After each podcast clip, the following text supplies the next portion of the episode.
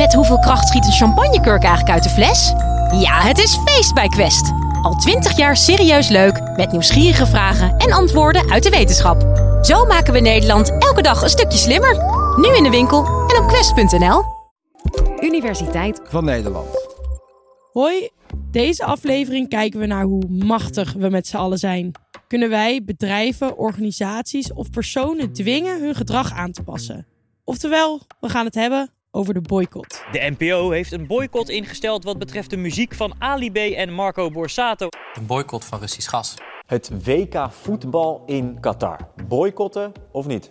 Historicus Peter van Dam van de Universiteit van Amsterdam neemt je voor de geschiedenis van de boycott mee naar Ierland. Want daar begint dit verhaal, bij één persoon.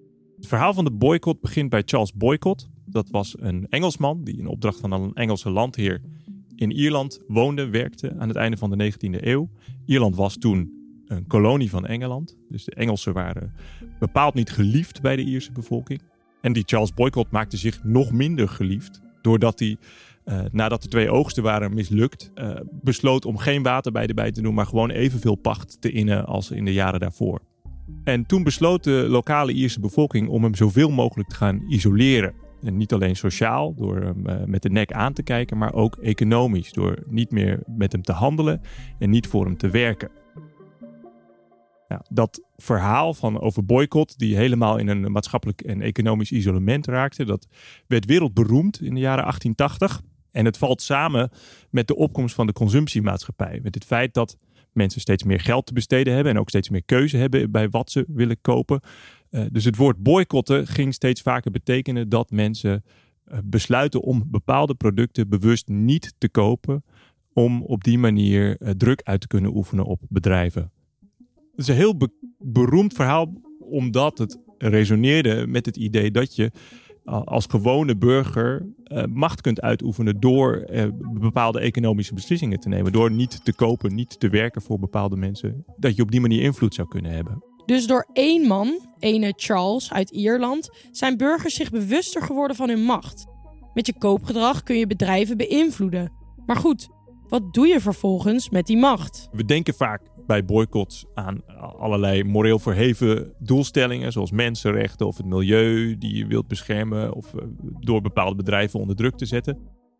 Maar de beroemdste boycott uit de eerste helft van de 20e eeuw is die van de nationaalsocialisten die opkomen in Duitsland in de jaren 20 en die mensen oproepen om niet bij Joden te kopen. dus een racistisch motief om bepaalde mensen economisch te isoleren en dat doen ze eerst uh, op straat. Uh, door tegen mensen te zeggen: doe dat niet meer. Of bij die winkels te posten. En dat wordt natuurlijk in de jaren 30, als Hitler in Duitsland aan de macht komt. En later ook in grote delen van Europa nationaal-socialisten aan de macht komen. Staatsbeleid zelfs. Hè, dat de Joden geen zaken meer mogen doen. En van het economische leven worden buitengesloten.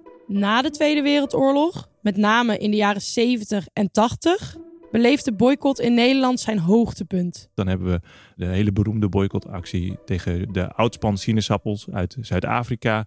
Uit protest tegen de apartheid die in Zuid-Afrika op dat moment speelt. En waar de firma Oudspan aan bijdraagt aan het instand houden van apartheid. We hebben in, in diezelfde periode de boycott van koffie uit Angola. Angola in uh, zuidelijk Afrika was op dat moment een kolonie van Portugal. En door de verkoop van koffie kon Portugal zijn uh, koloniale regime in stand houden, terwijl ze tegelijkertijd de Angolese arbeiders op die koffieplantages daarvoor uitbuiten. We hebben ook boycottacties in de jaren 70 en 80 tegen Shell, uh, vanwege ook kwesties als mensenrechten, schendingen en milieuproblematiek. En aan het einde van de jaren 80 een hele beroemde boycottactie is de actie van de schone klerencampagne tegen CNA uit protest tegen de arbeidsomstandigheden in de naaiateliers van CNA. En dat was zowel in Nederland, waar die naaiateliers illegale naaiateliers uh, waren, als later ook in lage lonen landen, waar we tegenwoordig vaak aan denken, Oost-Europa en, en Zuidoost-Azië. Bij al deze acties werden bedrijven geraakt in hun portemonnee.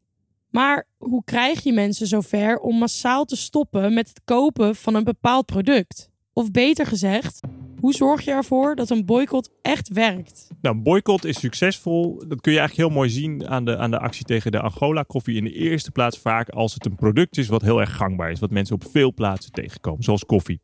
Uh, wat iedereen bijna dagelijks nodig heeft, wat in elke supermarkt te krijgen is. En dan is het natuurlijk ook heel belangrijk voor een succesvolle boycott dat het mogelijk is om het product ofwel links te laten liggen of liever nog te vervangen voor iets anders. En dat zag je bij Angola Koffie ook. Eh, er waren genoeg andere koffiemerken op de markt waar geen koffie uit Angola is. Dat, dat mensen ook niet hele radicale veranderingen in hun dagelijks leven hoefden aan te brengen om mee te doen aan die actie.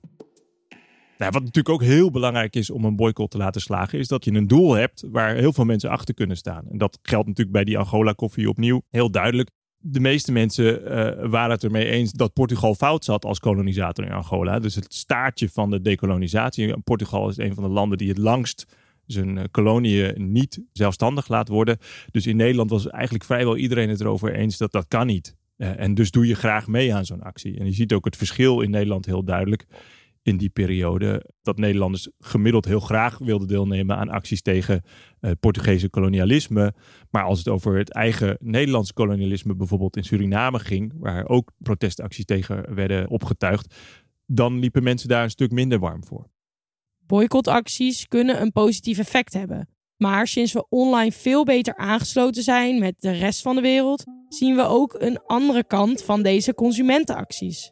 En een, een laatste belangrijke uh, succesfactor voor dit soort acties is natuurlijk of bedrijven in beweging kunnen en willen komen. Dus als zij het gevoel hebben dat veel mensen achter zo'n actie staan en dat ze uh, mogelijkheden zien om daaraan tegemoet te komen, dan zie je dat bedrijven vanaf de jaren 70 steeds vaker ook bereid zijn om dat te doen, omdat ze bang zijn om hun imago schade toe te brengen. En we zien dat bedrijven veel meer gaan nadenken over hun maatschappelijke verantwoordelijkheid. En dus eigenlijk reageren op dit soort acties door na te denken over hoe kunnen we tegemoetkomen aan, aan zorgen over ons imago. En dat dingen als maatschappelijk verantwoord ondernemen dus steeds populairder, steeds gangbaarder worden. Oké, in je eentje boycotten heeft niet veel zin. Je moet medestanders vinden, een goed doel hebben en je moet een product kiezen dat je links kan laten liggen. En dan is er nog een belangrijk punt. Een van de redenen dat boycotts echt minder populair zijn geworden vanaf de jaren 80 is dat we steeds beter zijn gaan zien door nieuwe communicatiemiddelen, door internet en wereldwijd bellen en dat soort dingen die veel makkelijker geworden zijn vanaf de jaren 90.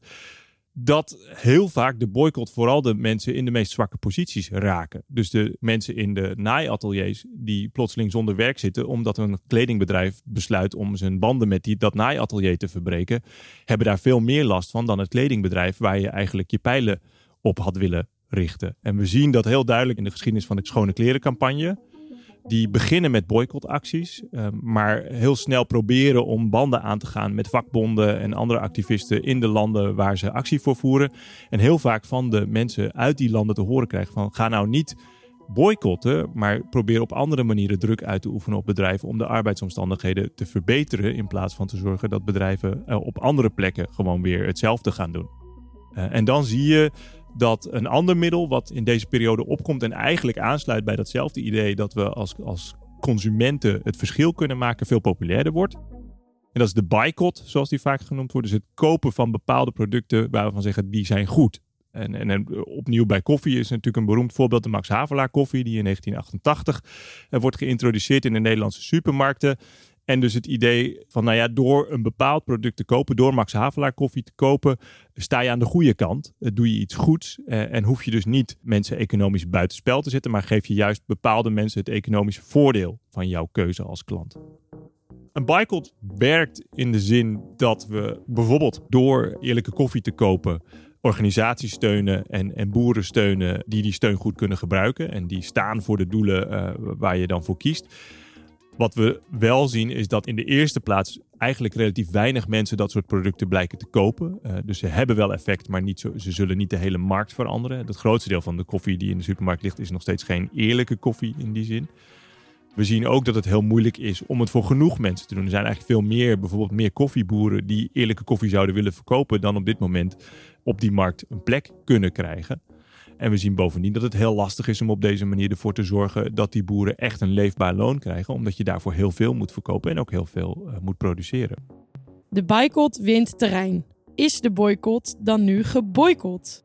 Nou, nee er zijn ook de afgelopen twintig jaar natuurlijk nog regelmatig boycotts. Want we geloven nog steeds, en het is ook nog steeds zo, dat we als consumenten eh, enorm veel te kiezen hebben. En met die keuzes ook invloed kunnen hebben. En bedrijven zijn ook nog steeds gevoelig uh, voor imagoschade. En voor het feit dat de klanten weg zouden kunnen lopen.